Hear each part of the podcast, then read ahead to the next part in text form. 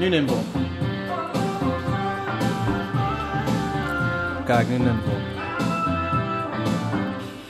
Yes, yes, yes. Welkom bij podcast nummer 5. En ik heb vandaag de gast niemand minder dan Soufiane Moussouli. Yes, yes, Wel- yes, yes. Welkom man, leuk dat je er bent. Dankjewel voor de uitnodiging, Badder. Jij was een van de eerste aan wie ik dacht toen Ja. ik eh podcast wou opnemen. Klopt, dat was een, eh, ik weet niet, volgens mij een jaar terug nog zelfs, of niet? Nee, maar korter. Korter? Korter, korter, korter, korter. Ja, toen, toen zei je het tegen me. September, september. Ja, toen had je tegen mij gezegd. Ik hoorde jouw naam altijd al vallen. Toen in de tijden toen ik, eh, toen, toen ik een beetje meeliep met couscous en baklava.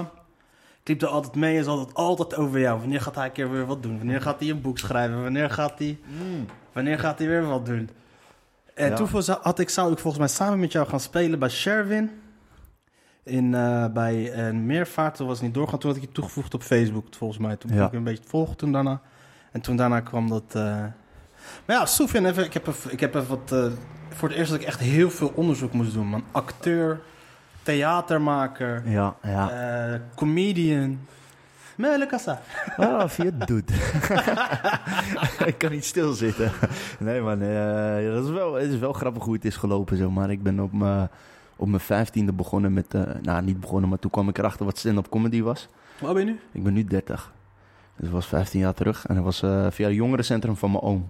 Die eh, had, eh, die, nou niet zijn eigen, doen, maar hij werkte en hij was daar de leiding. En op een gegeven moment zei hij, ja, er komt een cabaretier naar de Augra in Lelystad. Ik zei, tegen, ja, oké, leuk. Is wel, En ik was al wel geïnteresseerd in grapjes maken, zo was ik al bezig op school. Alle Marokkanen altijd, volgens mij. Snap je? We moeten, we moeten ergens goed in zijn. Altijd die clowns altijd. Dus op een gegeven moment, ik sla de krant open, wat lees ik? Ik lees Fendi Fidi Fici. Dat Najib, van Najib Omali, zijn allereerste. Is dat er 15 jaar geleden? Ja, man. langer, toch? Nee, ja, weet ik niet. Toen in ieder geval, toen ik hem had gezien, was het eh 15 jaar Het zou geleden. best wel kunnen dat het 15 jaar geleden is. Ja, man. Dat is, eh, dat is best lang, ouwe. En hij kwam toen daar spelen. Ja, hij kwam toen naar spelen en toen zei hij, eh, ja, we gaan met die jongeren daar naartoe. Uiteindelijk waren we met vier jongeren gegaan of zo. En toen, toen ik thuis kwam, vertelde ik alle grappen aan mijn moeder. Precies van begin tot eind. Ik zeg, ja, dit is echt gruwelijk. Dat, dat, toen begon het te kriebelen bij mij. En toen een paar weken later zegt mijn oom, hey, eh, zullen we stand-up comedy workshops eh, geven? Ik zeg, ja, is goed, regel maar. Je Toen oom kwam- ook gelijk doekoe. Ja, meteen oppakken, meteen weer een projectje binnen. subsidie, subsidie. En wie kwam toen? Le- en, eh, Leon van de, Leon van de Zanten en Anwar. Oh, nou geweldig. Ja man, en nog een, eh, nog een vrouw, ik weet alleen haar naam niet meer, ben ik vergeten. Maar eh, zo begon het en toen hadden we workshops eh, gekregen en toen hadden we opgetreden. En toen in Lelystad, echt op het grote plein, weet de burgemeester kwam kijken, dit, dat. En, en daarna heb ik het eigenlijk niet meer veel gedaan, omdat Lelystad had niks. Nog steeds hebben ze Nee, nog steeds geen talentontwikkeling, weet je. Dat, dat vind ik best, best jammer. En toen was ik een jaartje of eh 18, 19. En toen eh, kwam mijn oom, een andere oom van mij in Amsterdam, werkte ook bij een jongerencentrum. Zij kwam die met flyer in. eh, ja, ze gaan eh acteerlessen geven in, in Amsterdam-Noord en een toneel, toneelstuk spelen. Ik denk, gruwelijk. Wie, wie regelt dat allemaal? Zei die, ja, Peter Faber. Ik zeg, oh, wie is dat ook weer? Zei die, hij speelt in Siske de Rat. Toen ging Peter van ging ik opzoeken en zeg ik, oh ja, hij speelt de vader van Siske de Rat in die film. Dus hij, was, en komt zelf uit Noord en toen, toen werd het zo geregeld. En toen eh, moest ik gaan, eh, gaan optreden. En toen eh, zaten daar de regisseur van Jong Ras toen, dat heette nu Theater Gasten. En die zei tegen mij, ja, wil je auditie komen doen bij ons? Ik zeg, ja, maar ik kom uit Lelystad, ik weet niet of het mag. toen eh, zei. Regels gewoon, alleen dan. ja, weet je, ik was heel netjes. En op een gegeven moment zegt ze: Nou, nee, dat maakt niks uit. Schrijf je Amsterdam Noord. Of eh, waar je van de, gewoon ergens een adres in Amsterdam. Dacht ik, Savi, deze worden mijn matties. en toen ben ik, toen ben ik zo theater, eh, theater ingerold. Heb ik toen heel veel les gehad. En zo ben ik theater eh, ingerold. En stand-up comedy wel altijd aan de zijkant gehouden. Dat was wel mijn... Side dingetje. ja, mijn side dingetje. Maar eigenlijk is het wel mijn, mijn bron eigenlijk. Want daar is het allemaal voor mij gestart. Ja. Ook heel vaak als ik, als ik voorstellingen maak, en, eh, dan zit wel comedy, is daar wel een groot deel, Ja. eh, groot deel in. Dus ja, van, vandaar komt eigenlijk dat, eh, de- die Douda. De Marokkaanse Duda. Ja, hoe, kan je dat vertalen in het best in het Nederlands dan? De- Vormen in je... die, die worm in je maag. ja. Want je hebt, nu alweer, heb je, je hebt nu al twee shows achter de rug. De eerste was Marokkanen huilen niet. ja, Heb jij een broer of niet? nee. Daarom, oh nee, dus je, nooit iemand die heeft laten huilen. Dus, nee, nee, we huilen wel? Ja, ik weet, ik weet wel dat we huilen, maar het, is, het heeft een hele andere insteek. Zeg maar. De titel was, eh, is meer van... Omdat je weet zelf, hier in, eh, in Nederland, eh, nou, vooral in het westen in Europa, zijn buitenlanders heel vaak. Die zijn de pineut, je weet toch, worden aange... Sjaak. De sjaak. Weet je, en toen dacht ik van, ja, je kan, je kan doen, schreeuwen wat je maar wilt tegen ons, maar je krijgt ons niet klein. Nee, dat is, Snap je? We blijven, we blijven hier. Dit, we zijn een groot deel van, van de Marokkanen in Nederland zijn hier geboren. Het is gewoon, Ben je tweede of derde generatie? ik, ben, ik ben tweede generatie. Mijn eh, vader kwam toen hij 14 was hier, naar Nederland. Je 2,5 Gulli. Ja, 2,5. 2,5. Ja, we, zoiets. zitten, we zitten alweer tegen, we tikken al de vierde geld alweer aan, hè? Ja, de vierde, vierde generatie is ook al eh, onderweg, ja. Mijn vader is eind 60 gekomen, begin 70. Ja, dat, tel maar na, dat is alweer bijna 50 jaar. 48 Ja, jaar. man. Ja, man, we zijn hier al fucking lang en we gaan niet weg, Wilders. Anwar heeft daar een vet stukje over. Dan heb je dat we die show van... Volgens mij wel, ja. En wel. wij gaan niet weg, ga jij maar Ja. weg. En als jij weggaat, gaan wij daar naartoe, waar jij naartoe gaat. Want als Nederlanders ergens naartoe gaan, dan moet daar wat zijn. Maar wat was die Ja, insteek van Marokkaan Huilen? Ja, dus dat is eigenlijk de insteek van je kan doen en laten wat je wilt tegen ons, weg. maar we gaan niet weg. We, we zullen blijven studeren, we zullen ons, Nederland ook ons maken, zeg maar. En wij willen ook gewoon Nederland. We gaan niet, ik bedoel, heb jij de ambities om terug naar Marokko te gaan? Hé, hey, maar ik... eh, brr, nee, niet echt. Snap je? Je- je- Jij ziet je toekomst hier in Nederland, denk ik, toch? Jawel, Ja. jawel, jawel, jawel, jawel. En dat, en dat is meer de insteek geweest van, geef de hoop, we geven de hoop niet op, weet je. Je kan doen en laten wat je wilt. In ieder geval zo bekijk ik het. Ik ga hier eh grounden. Ze moeten maar beter leren gaan. Ja, ik, weet- ik weet niet hoe het in Lelystad is. Het is, het is ja, hier in Leiden val, is, is het, valt het allemaal wel mee. Qua hoe er tegen je aan wordt gekeken en dat Mm. soort dingen. Dat, val- ik weet niet hoe het in Lelystad is. Ja, kijk, in de grote steden merk je dat niet echt. Weet je, daar heb je er geen, eh, geen last van. In van die, van die bekende steden, eh, Amsterdam, Rotterdam, hoewel Rotterdam, denk en... eh, Daar leven ze allemaal toch onderling. Dus, eh. Snap je? Maar in ieder geval van die, van die, van die steden waar iedereen gewoon om elkaar en naast elkaar woont en leeft. Maar in Lelystad is dat nog wel, is dat nog wel een tikkeltje anders. Daar heb je van die, ik weet niet of ik het kan zeggen, maar fuck it, ik zeg het gewoon, schijnheiligheid, snap je? Die achter je rug om... eh, ehm, maar is dat eh, niet iets wat iedereen zegt over zijn eigen, over elke stad waar hij vandaan komt? Ja, nee, nee, nee, maar dat heb ik wel echt gemerkt, weet je. Want eh, het is ook gewoon eh, hoe er wordt omgegaan met de jeugd in, in, in Lelystad en wat ze er voor de jeugd doen. En bijvoorbeeld het Marokkanen probleem is daar, pff, zes, zeven jaar geleden hebben ze daar ooit over gesproken in de gemeente. Ze hebben het nog steeds niet verholpen. Wonen En- daar Marokkanen? Ik, eh, ja, ik- Lelystad, ah, luister, je, bent de eerste, je bent de eerste die ik tegenkom. die Marokkanen wonen overal als hij. Als je naar, de rock, naar, die, naar, die, naar de Mount Everest gaat, denk je, ik heb hem beklommen, zie je waar Marokkaan met een theetje bent daar. tot daar, ja. Zo maar, ik kom, Marrakesh. Klopt. Ja, dat- mijn zwager komt uit Steenbergen.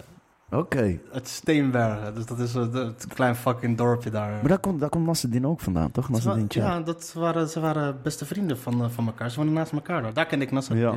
van. Oké. Maar het zo, ik had nog nooit van mijn leven gehoord van Steenbergen. ze zitten echt overal. Maar jij bent de eerste, die persoon die ik tegenkom die uit Lelystad komt. Ik heb Mooi man. nog nooit, van, eh, nog nooit gehoord. Altijd al de eerste willen zijn.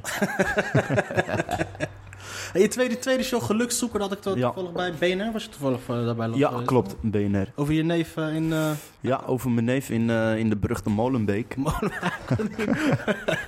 Hij werkt nu in de snackbar. Hij, nee, nee, nee. Niet meer. Ja, volgens mij nee, hij werkt nu doet hij gewoon tijdelijk wat losse baantjes. Omdat hij nog voor zijn eh inburgeringscursus... Moet hij alle vakken... Ja, man. Ja, man. Want ja, gelukzoek gaat eigenlijk over mijn neef die zes, zeven jaar geleden de oversteek maakte. Van Tangen naar eh, Europa. En eh, eigenlijk eh, zijn geluk ging beproeven in Europa met 0 euro op zak. En dan gewoon gaan met de banaan. Dan- Heavy shit, man. Ja, man. En eigenlijk met die voorstelling was de insteek eigenlijk de andere kant van de medaille laten zien. Van, van, van, van die zoveel jongeren die jaarlijks de oversteek maken, zeg maar. Ik had een keer... Want die, om die stap te nemen, dat is best wel een heavy shit. Ja, man. De meeste mensen kunnen niet zwemmen. Nee, klopt. En dan ga je daar, een van het ah, de Atlantische Oceaan en de Middellandse Zee, daar is fucking veel stromingen. Eh, om dan, dan daar die stap te gaan nemen. En er was één stukje had ik gezien van met uh. Ik irriteerde mij daar fucking mateloos aan. Hij had toen een, ehm, had toen een eh, interview met een van die gasten van, ehm, van de Borrelnootjes. Ja. Eh, niet die, eh, Hamza? Of die andere? die lange. Die lange die Badr Hari fucking goed ja, dat, dat is die Hamza, ja, Ja. man. Ja, En man. hij zei op een gegeven moment, en toen zei Salah, Salah die vroeg aan hem van, joh, wat vind je ervan dat ze hier naartoe komen en dat soort dingen. En toen zei hij van, joh, nee, ze kunnen beter daar blijven. Waarom komen ze hier naartoe? Eh, kijk, ze zijn goed gekleed, iets in die trend, je moet even dat filmpje kijken. Toen zat ik bij mezelf te irriteren. Ik zeg, gozer, hoe, hoe, kun- hoe, kun je Mm. dat bepalen? Want je gaat niet zomaar zo een stap nemen, omdat jij denkt van, ja, wat... eh, excuse me als ik het niet goed eh, heb, als ik het niet goed, eh, als ik het hier niet goed verwoord. Het was meer in de trant dat het bij hem was dat ze er meer naartoe, hier naartoe kwamen voor de luxe. In plaats van dat ze eh, Mm. gewoon wouden overleven. Snap je? ja. Ik kon me daar zo gigantisch aan irriteren van, vanuit die positie om dat zo te zeggen. Weet je. Zat, ik weet niet waar ze dat hadden opgenomen. Misschien in het huis van, hoe heet hij? eh, Hamza. Hamza. Ja. Het was een best wel fucking mooi huis waar, waar die zat. Ik dacht, het is makkelijk praten dan voor jou. Weet je, als je dan... Als je Ja, het is... Het is inderdaad, ja, ik snap wel wat je bedoelt. Ja, het was meer van ja, ze zijn goed gekleed. Je moet even dat filmpje kijken. Ze, het is, kijk, ze zijn goed gekleed. Ze hebben hier niks te doen. Eh, het is daar beter. Ja, als het daar beter is, ga zelf dan terug. Ja. Kom op, snap je? Ja, het is, eh, dat, dat, dat komt ook in de voorstelling voor dat ik die discussie zo vaak met mijn neef heb gehad. Dat ik tegen hem, in de periode dat hij in Brussel woonde, op een gegeven moment zei ik tegen hem van, nee, laatste man, ik ga naar Marokko terug. Zeg ik, maar wat, wat, wat de fuck ga je daar doen? Ik wil weg en met mij 10.000 anderen. Wie ben jij om dan daar naartoe te willen gaan? Wat, wat wil je dan gaan doen? Luister eens, iemand zei ooit tegen mij... Hij zei tegen mij, luister eens, als ze die grens opengooien... Hè, Oh, jullie. de enige die daar blijft, is Lemellem en zijn broer. Voor de rest Ah, is weet, je wat mijn oom, weet je wat mijn oom een keer zei?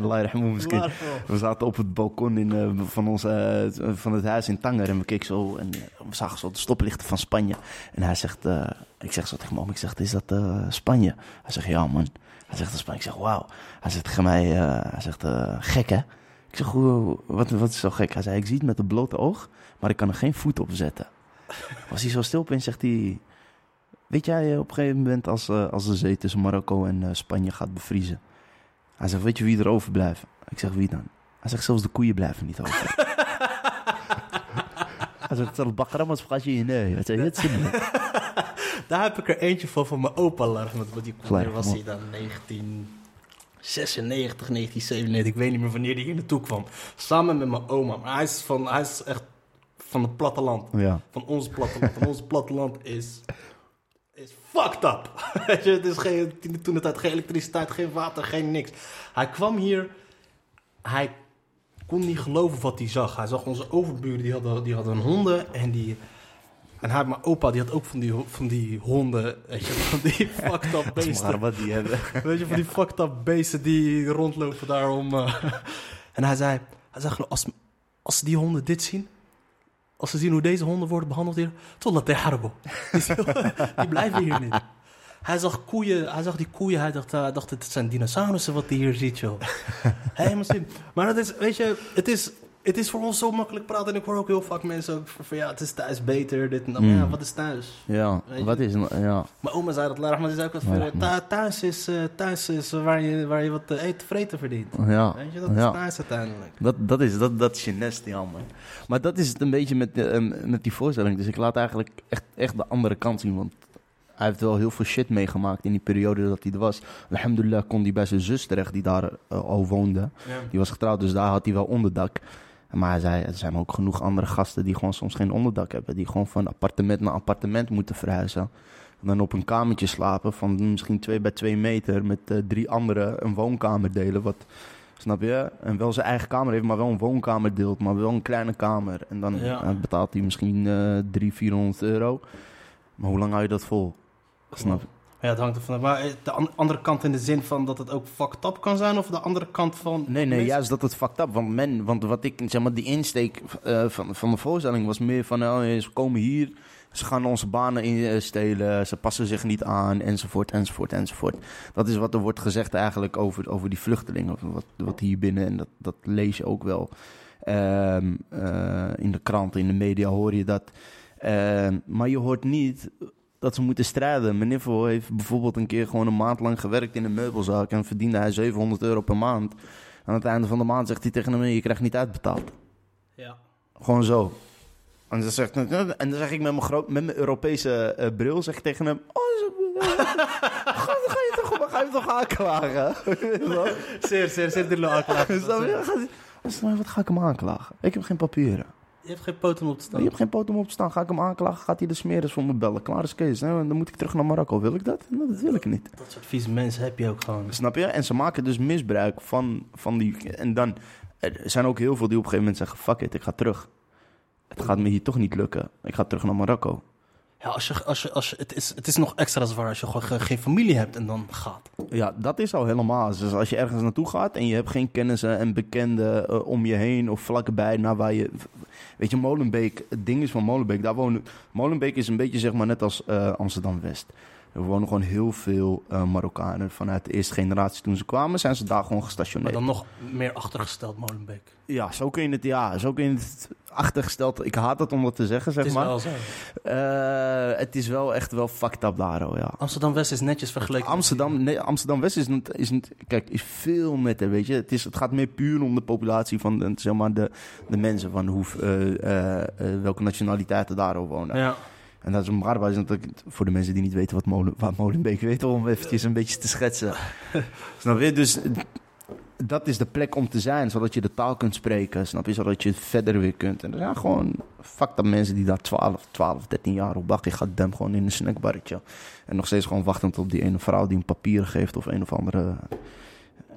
eh, een Nasrani, zoals ze dat zeggen, die hem eventjes eh, een contractje aanbiedt voor het werken, zodat hij dan ook op een gegeven moment papieren krijgt. Maar dat is, Molenbeek is echt gewoon afgesloten van de rest van België, of niet? Mm, Ja, ik weet, ik weet niet of het eh, zo is, maar het is wel heel bizar. Want als je, als je in Molenbeek bent en je gaat dan op een gegeven moment gewoon naar de... Dan liepen we heel vaak met mijn neef van, van zijn zus huis naar de stad toe. was ongeveer een kwartiertje lopen, maar dan, je ziet gewoon wel die verandering. Gewoon echt een beetje achtergestelde buurt. Gewoon heel veel nationaliteiten bij elkaar, verschillende.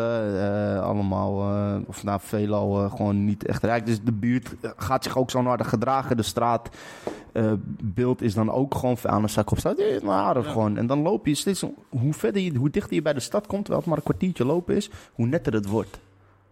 Het is echt inderdaad alsof, alsof ze daar stoppen met, ik hou er geen rekening meer mee. Hier stopt, hier stopt de gemeente met Ja, werken. hier stopt de gemeente met werken. En je hebt wel stadsdeel, dan heb je het stadsdeel Molenbeek. Maar ja, dat zijn ook maar die daar dan Ja. werken. En Je hebt in België heb je dus eh, Brussel volgens mij heeft volgens mij vijf, zes verschillende gemeentes. Of de, ja, de- zoiets. In Brussel spreken ze Frans en Vlaams. Dus ze, ze hebben Fra Vla- Vlaamse gemeenten, deze gemeente, en hebben ze nog stadsdeelsgemeenten, en hebben ze nog dat gedeelte van de Europese Ja, Unie zitten ze nog apart en dat soort dingen. Logisch dat het daar een of andere chaos zit, man. Want het is zo, want ik zat, ik zat erover te denken waarom het zo afgesloten is van de rest van de wereld. Die, die, eh, die Abdeslam, Abdeslam die, eh, die gozer van, eh, Mm. van die zat toen de hele, heel Europa hem zocht, zat hij gewoon in Molenbeek. Ja, Zat hij gewoon in Molenbeek. Ja, en dan klopt. de vraag, hebben ze, ze hebben geen flauw idee van wat daar gebeurt. Ze hebben daar totaal nee, maar, geen flauw... nee, de autoriteiten hebben daar ook ze hebben geen visie in. Ze weten niet wat daar gebeurt, wat daar speelt. Terwijl het ding is, weet je, je praat er zo over, maar we, we, we praten er zo over. Terwijl het heel, een, een hele relaxe buurt is. Het is Ja. gewoon, snap je, het is heel tranquilo, maar het beeld, weet je, is, is eng. Even tussen aanhalingstekens, snap je? En een, een soort zoeksoort. Dus maar wat die vanuit eh, Marokko komen naar Europa gaan om, te, om te, eh, ehm, hun geluk te beproeven. Ga naar Molenbeek, want dan ga je, in het, ga je jou... Je komt gewoon gasten uit de buurt, komen gewoon elkaar... Oh, fijne zes, zes, waarom zat je maar even? Hoe heet die ene straat? Rudebrug zelf? Ja, de Brabant. Rude Brabant. Ja, maar. Ja, dat is ook gewoon die wijk. Daar kom ik als kleine jongen wist ik dat. ik Met mijn ouders ging altijd naar Brussel. Ging je daar tapijten halen. Ja, is het. naar al die Dat is dingen. en dat soort dingen. Ja man, wel. Rue de Brabant. Dat is ook, dat is ook eh, echt een totale mix. Dat is die hele... Ik hou daar wel van. Ja, ik vind het... Ja, pff, geloof mij, ik kan daar gewoon echt... Als ik soms daar naartoe ga, dan blijf ik gewoon bij mijn nicht. En dan werkt iedereen en zo. En dan ben ik gewoon alleen. Dan ga ik gewoon... Rondje Ga, ga ik een rondje lopen, ga ik daar een broodje eten, ga ik daar in een cafeetje zitten, Marokkaans tegen. Gewoon lekker, lekker in mijn eentje. Ja, maar sinds die, eh, sinds die shit natuurlijk met al die aanslagen en dat soort shit. Maar het kan geen toeval zijn dat er zoveel gasten daar vandaan komen. Dat betekent dat die, die, die Belgen, die hebben echt totaal geen flauw idee van wat daar gebeurt. Nou ja, ja dat, dat denk ik ook. En België heeft ook een lange tijd zonder politiek gezeten, of nou, op non-actief. Ze hebben al twee jaar gehad. Ja, een aantal jaar geleden was, was het eventjes helemaal fucked up. Ja, toen, eh, was het, toen ging zelfs de roddel. Dat, dat zei mijn neef, ja, ze gaan papieren geven, man. Je kan je aanmelden. Je kan, Je weet toch? Alsof je wacht op Modern Warfare. Je weet toch, op FIFA. Hey, Laatste FIFA komt binnenkort uit. Nou, ik ga hem halen, ja. Ik ga vast Het is inschrijven. anarchie nu. Iedereen kan gewoon vragen. Ja, man. Maar ja, toen, dus op een gegeven moment ging dat ook niet door. En dan, eh, ja, dan, heb je, dan heb je maar een paar opties. En één daarvan is gewoon een vrouw zoeken om mee te trouwen. En, Ja. eh, dat, is, dat is gewoon je doel. Heeft hij nu wel, hij heeft nu wel zijn papieren, Ja, man. Ja, man. Alhamdulillah. Hij is eh, eindelijk getrouwd. Heeft hij je show gezien?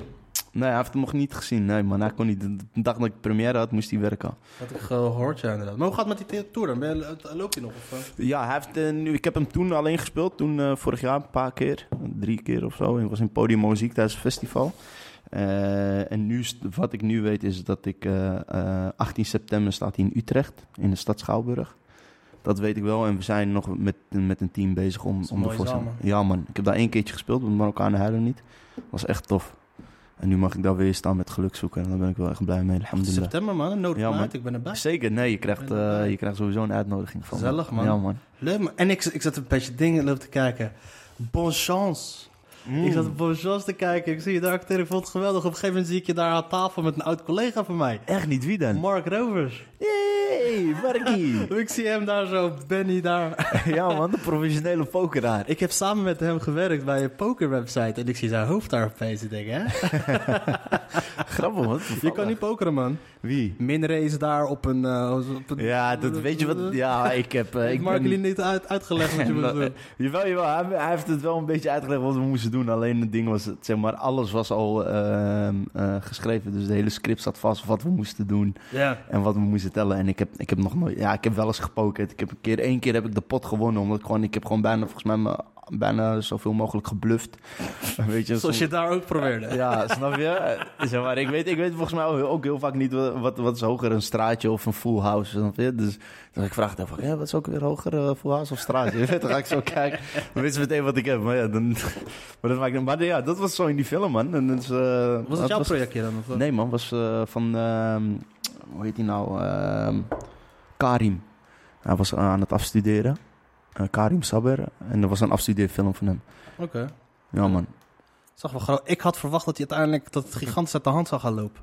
Ja, dat, dat, zou wel, eh, dat zou wel een mooie einde zijn geweest. Maar dacht, er gaat geschoten worden. Ja, of nee, het, gaat- ging, het ging hier meer over eh, vriendschap eigenlijk. Zeg maar.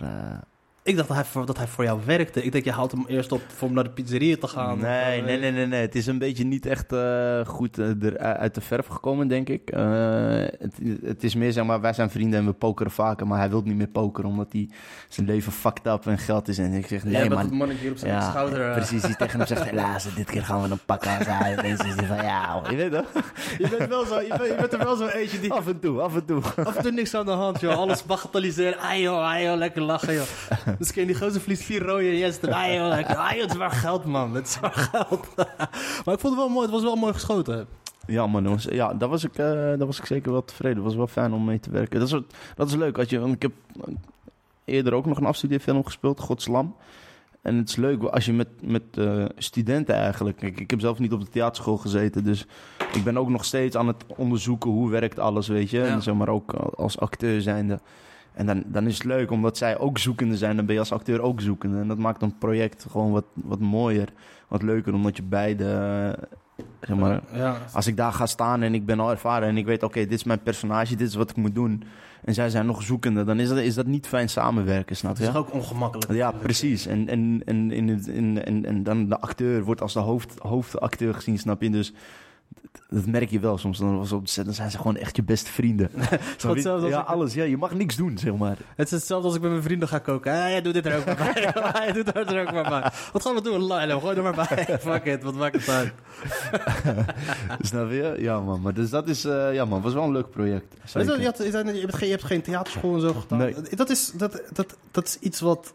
Is dat niet iets wat... wat, wat wat ik, zeg ook, niet- ik heb ook geen klein kunstacademie Mm. gedaan en dat soort dingen allemaal. Eh, dat een hoop Marokkanen die do- do- doen dat soort dingen niet. Het zit niet in ons om, zo, om zoiets te gaan doen waardoor Nou, een hoop talent gewoon niet ontdekt wordt. Ja, Want als het niet ontdekt wordt, een hoop talent gaat niet die kant op. Ja, man, dat is een beetje, denk ik, dat, dat, dat zie ik ook. En daar geef ik je groot gelijk in. En ik denk misschien dat het kan komen door cultuur.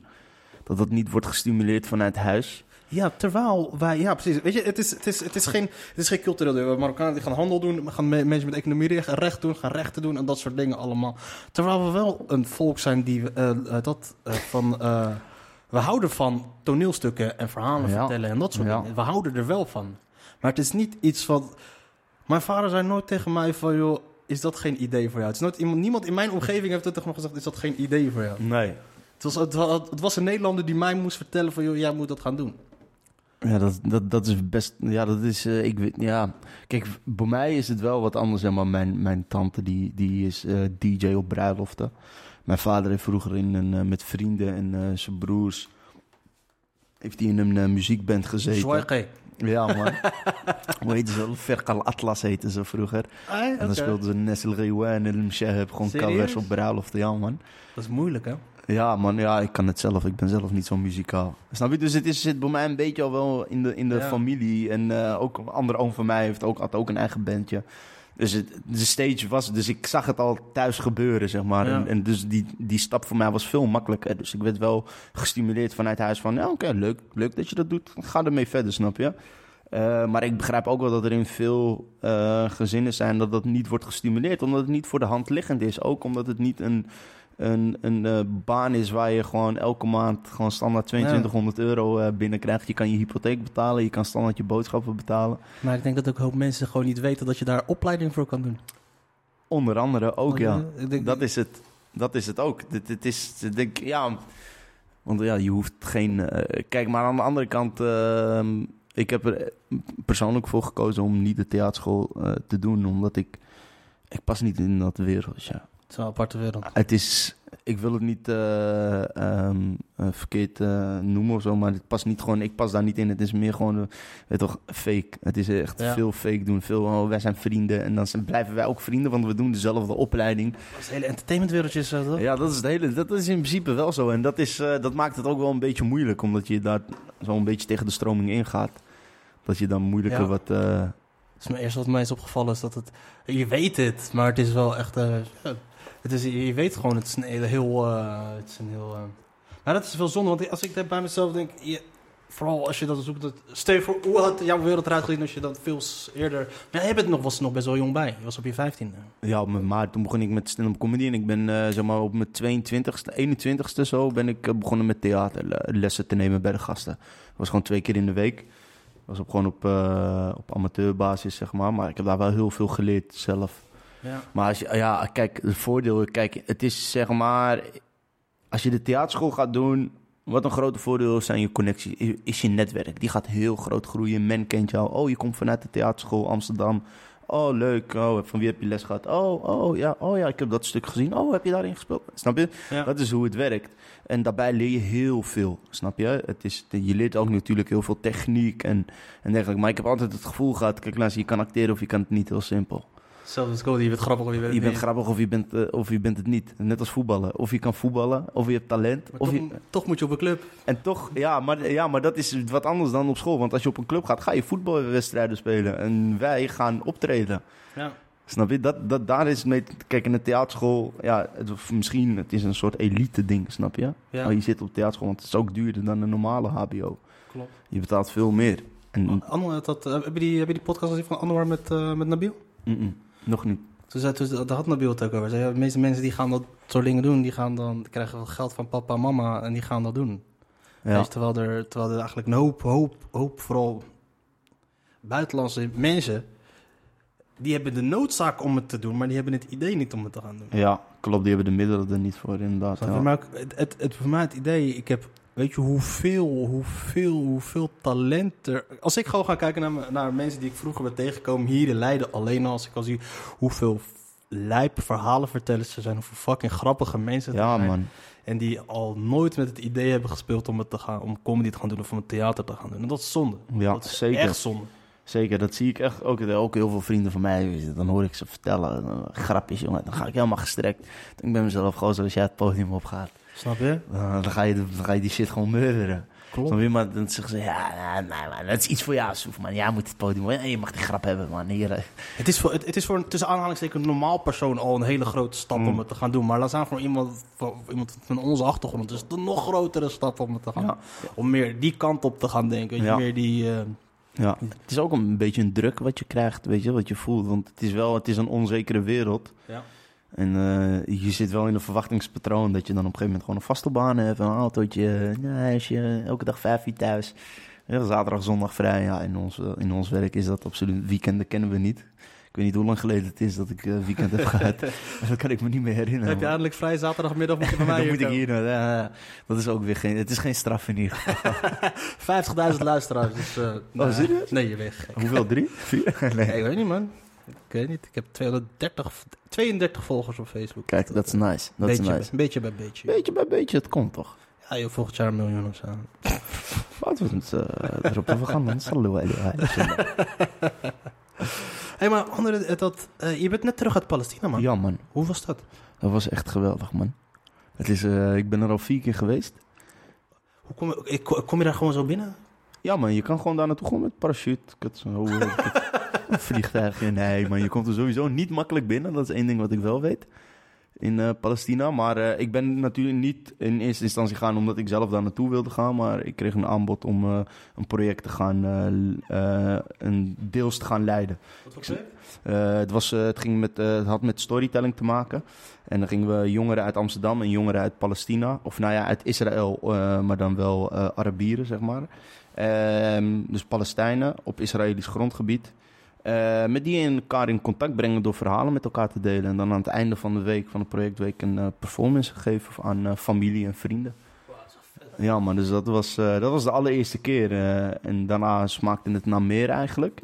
Ook omdat het land is gewoon, subhanallah, is gewoon prachtig. Je krijgt een heel ander, sowieso religieus, toch spiritueel gezien, is het echt als je gelovig bent, in ieder geval, denk ik, dan is het super mooi. En de projecten kwamen daar. En we hebben ook uh, met jongeren uit Ramallah een voorstelling gemaakt, Next to Normal. Palestinians uh, Stories Untold. Die hebben we naar Nederland gehaald en die hebben uh, twee keer gespeeld in Den Haag en in Amsterdam. Zo. Ja, en we hopen ze weer terug te, te brengen. Hoe is het daar, man? Ik zit me af te hoe is het daar? Ja, het is... hoe leven die mensen daar, man? Niet, niet, niet hoe de media het laat zien, maar ze leven daar, alhamdulillah daar, het eerste wat je daar leert is dankbaarheid hebben.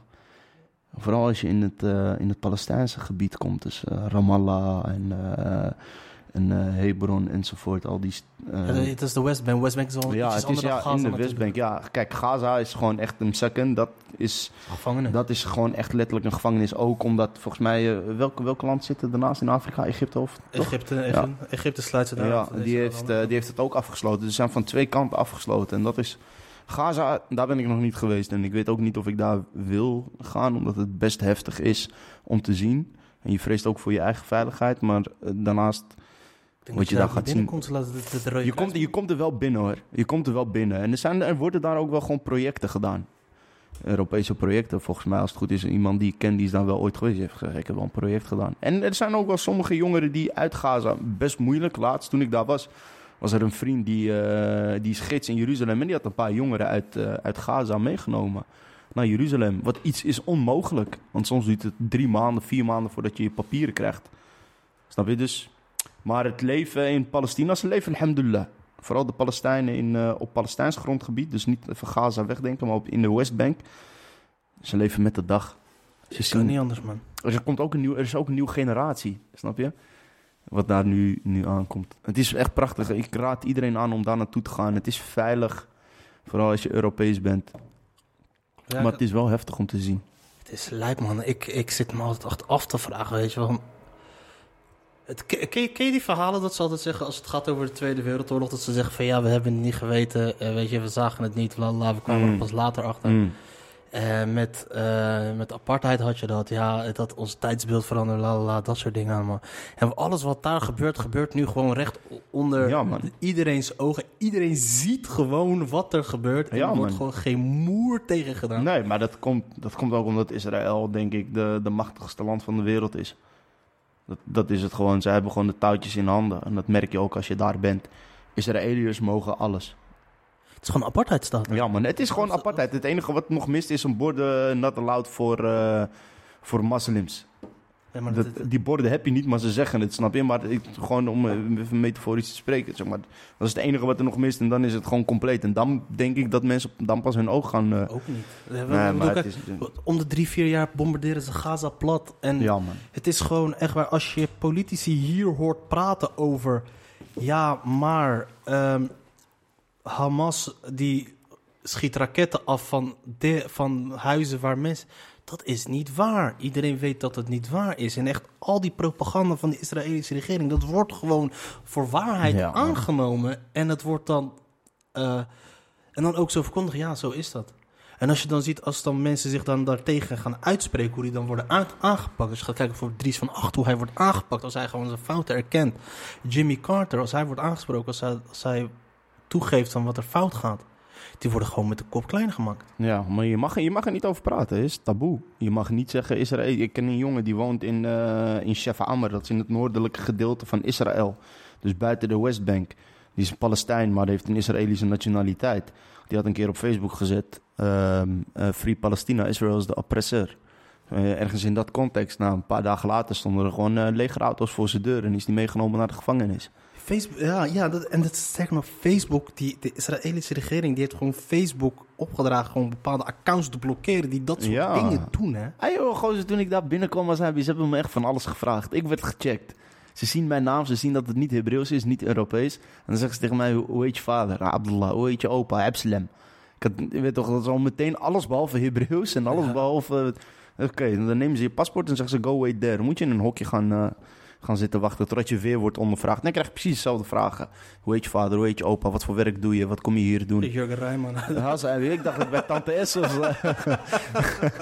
Echt, man. Ja, man, maar het is, ik, ik, ik snap dat gewoon niet. Dat het gewoon, het gebeurt recht onder onze ogen. Dat je toen de apartheid er was, heel de wereld stond op voor Nelson Mandela, weet je. Eh, terecht ook. En eh, hoewel er in die tijd, in de jaren tachtig en dat soort dingen, waren gewoon een hoop mensen gewoon die nog steeds vonden dat Mandela een terrorist was. Hmm, Ja, maar dat, dat, zulke mensen zul je altijd blijven houden. Dat, eh, die, die, eh, die het goede tegen, tegen willen gaan. Het was best wel mainstream ook, dat gewoon, eh, dat hij, ja, maar ja, hij doet dit en dit en dit. ja, het, Maar ik, ik, ik, ik, ik snap dat niet. Ik, ik, ik, vind- ik, ja, het is, het is je, kan het niet gaan, je kan het niet begrijpen. Je kan het niet begrijpen. Waarom niet? Omdat het politieke shit is. Want het volk daar, een deel van het volk, Israëlisch volk, die ziet het liever ook anders. Ja, Snap je? Dat, dat is het. En je hebt daar eh Israëliërs, die zijn tweede generatie. Die zijn daar geboren. Die zijn daar met de situatie geboren. En die Zijn horen wel vanuit het politiek. Maar, maar bijvoorbeeld als je naar, naar eh, eh, Tel Aviv... is een wereldstad, snap je? Daar wonen moslims, joden, christenen, druzen. Gewoon werken misschien net niet samen... maar ze wonen wel gewoon samen. En, maar er is gewoon niks. In Jeruzalem heb je wel West en Oost. Daar is het wel wat hevig. Maar soms spreek ik ook gewoon Israëliërs in Jeruzalem... en die zeggen, ja, het is allemaal de politiek. dat is wel zo. Ja, want ja, de, toen de, de momenten dat... Maar het zijn altijd die excessen die dan... De, de, dat, de, de, die hele shit... Aan de ene kant Hamas, aan de andere kant Likud. Weet je, Likud is geen haar beter dan Hamas. Nee, nee, nee. nee. Het is een, maar de, Ook de Palestijnse autoriteiten zijn niet om naar huis toe te schrijven. Tuurlijk. Snap je? Het is, het, het is en blijft politiek. Ik bedoel, het schijnt dat die man fucking rijk is. En terwijl zijn eigen volk, Palestijnse volk, gewoon in nood zit. Die Abbas. Ja. Zit hij daar nog steeds? Hoe lang zit die gast daar? Oh, sla je me dood, ik weet het niet. Maar hij zit er inderdaad nog steeds, man. Het, het is, maar ja, maar het, is, het, het, zijn die, wat, het zijn die excessen, want die... eh, kijk, je had de rabbin volgens mij, die werd vermoord nadat hij eh, vrede was sluiten. Sindsdien is alles op slot gegaan. Ja, man. Sindsdien is het op slot gegaan. Ze willen ook gewoon geen vrede sluiten. Dat, Nee, maar dat het Likud wordt geen vrede. Want je ziet beetje, de- ondertussen, ze, bom- ze bombarderen eens in de zoveel jaar Gaza plat. Daar gaat het twee jaar over. Maar niemand heeft het over dat de Westbank beetje bij beetje gewoon leeg wordt geplunderd. nee, maar dat, eh, nee, dat, eh, daar gaan ze het nooit over hebben. Je gaan, ze gaan het hier in Nederland gaan ze het ook niet op NOS Journaal, 8 uur Journaal gaan ze zeggen... Vandaag in het nieuws. Twee Marokkanen zijn CEO's geworden bij een topbedrijf. Dat ga je niet zeggen. Dat, dat gaan ze niet verkopen, want dan word je goed in het nieuws verkocht. En dan gaat het volk zich denken, oh, ze zijn toch wel normale wezens, snap je? Dus We hebben Ali B, dat is de enige af en we hebben een knuffel Marokkaan en we hebben een burgemeester. En we hebben Twee burgemeesters, twee twee burgemeesters. tegenwoordig, waarvan de ene toch niet echt geaccepteerd wordt. Nee, maar iedereen haat hem. Iedereen haat ik, mag, ik mag die gozer echt niet, die Bakkoes. Oh, Nee, nee, nee. Daar zijn veel leuke verhalen over, inderdaad. Het, is- het is, hij speelt gewoon echt een goed politiek spelletje, heel simpel. Ja, ik, ik, ik heb het niet met die gozer. Nee. Abu Talib heb ik, Abu Talib, ik heb af en toe heb ik wel wat zijn manier van doen en dat soort dingen. Ik denk ook van, oké, waarom, doe je, waarom zeg je dit wel? Weet je, toen eh, bijvoorbeeld na die aanslagen in Parijs, ging die, had hij het over, eh, toen zei hij van, ja, als het je hier niet bevalt, weet je, dan rot je lekker op. Ja. Toen dacht ik bij mezelf, gozer, A, eh, het waren geen Nederlanders. En B, twee weken ervoor, twee weken ervoor hadden die Feyenoorders hadden, hadden, een, hadden die jeugdhonk, hadden die honk van Ajax in de fik gesto- Ja. gezet. En die gingen de training daarna gingen ze daar trots mee met spandoeken erop lopen zetten. Waarom heb je daar niks over gezegd dan? Ja, als hij dat eh, zegt, dan eh, raakt hij zijn ambt kwijt als burgemeester. ja, En dan mag hij weer eh, En ze haten hem dan mag hij gaan flyeren in Osdorp om op hem te gaan stemmen. Maar wat ik wel mooi vond, waarom ik Abu Talib zo vet vind, dat ze die...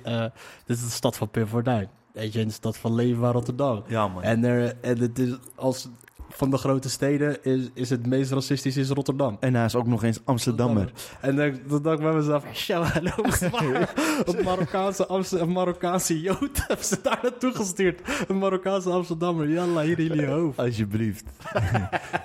We poepen op jullie Rotterdam. Dat is gewoon wat. Amsterdam heeft. Dat is gewoon wat ze hebben gezegd in Den Haag. Lekker, hier, geef ze die. Dus die, Ja, dus die wraak van, eh van Cruijff toen, eh, toen die, toen die Velen ging voetballen. Hier met Het deze. zit diep, het zit diep, het zit diep. Ja, man. Nee, maar wat over dat Palestina, maar weet je wat, wat ook zo is, weet je wat ik zelf denk? Dat is een theorie die ik een beetje, waar ik mee speel en die ik een beetje goed op papier moet zien te krijgen, is het, her, het, dat, het verplaatsen. Het verplaatsen. En ik heb bijvoorbeeld hier in Nederland, is dat heel veel mensen die zijn dan, eh, die kunnen niet, willen niet geloven bijvoorbeeld dat, dat het Israëlische regime dat soort dingen doet. Want, eh, kijk, de, de daders zijn in dit geval dan, eh, is dan Netanyahu en zijn vrienden. En de slachtoffers zijn dan die Palestijnen. Maar Mm. als jij dan als blanke Henkie zit te kijken en je kijkt naar eh, die blanke Israëliërs. Die, die, dat, daar heb jij veel meer, daar, daar kan jij jezelf in herkennen. Ja. Die zo minder dus. Ja, ja, maar- ja. En die Arabieren, nou die Arabieren, nou, daar is van bekend dat ze dit en dat en dat allemaal dingen opblazen. Dan is het veel makkelijker om niet te geloven dat, dat, het, dat de waarheid juist andersom is. Dat de Palestijnen degene zijn die alles doen. En, eh, en dat de Israëliërs juist gewoon alleen maar reageren. Omdat ze dus daarin elkaar als Henk zijnde elkaar kunnen. eh, hij herkent zich in Levi. Snap je? Ja. En, datzelfde, en dat is dan andersom werkt het ook weer zo. Dat Ja, altijd als je achter elke, dat eh, heel veel moslims achter elke aanslag, ja, het zijn de Israëliërs, het zijn die Amerikanen. ja.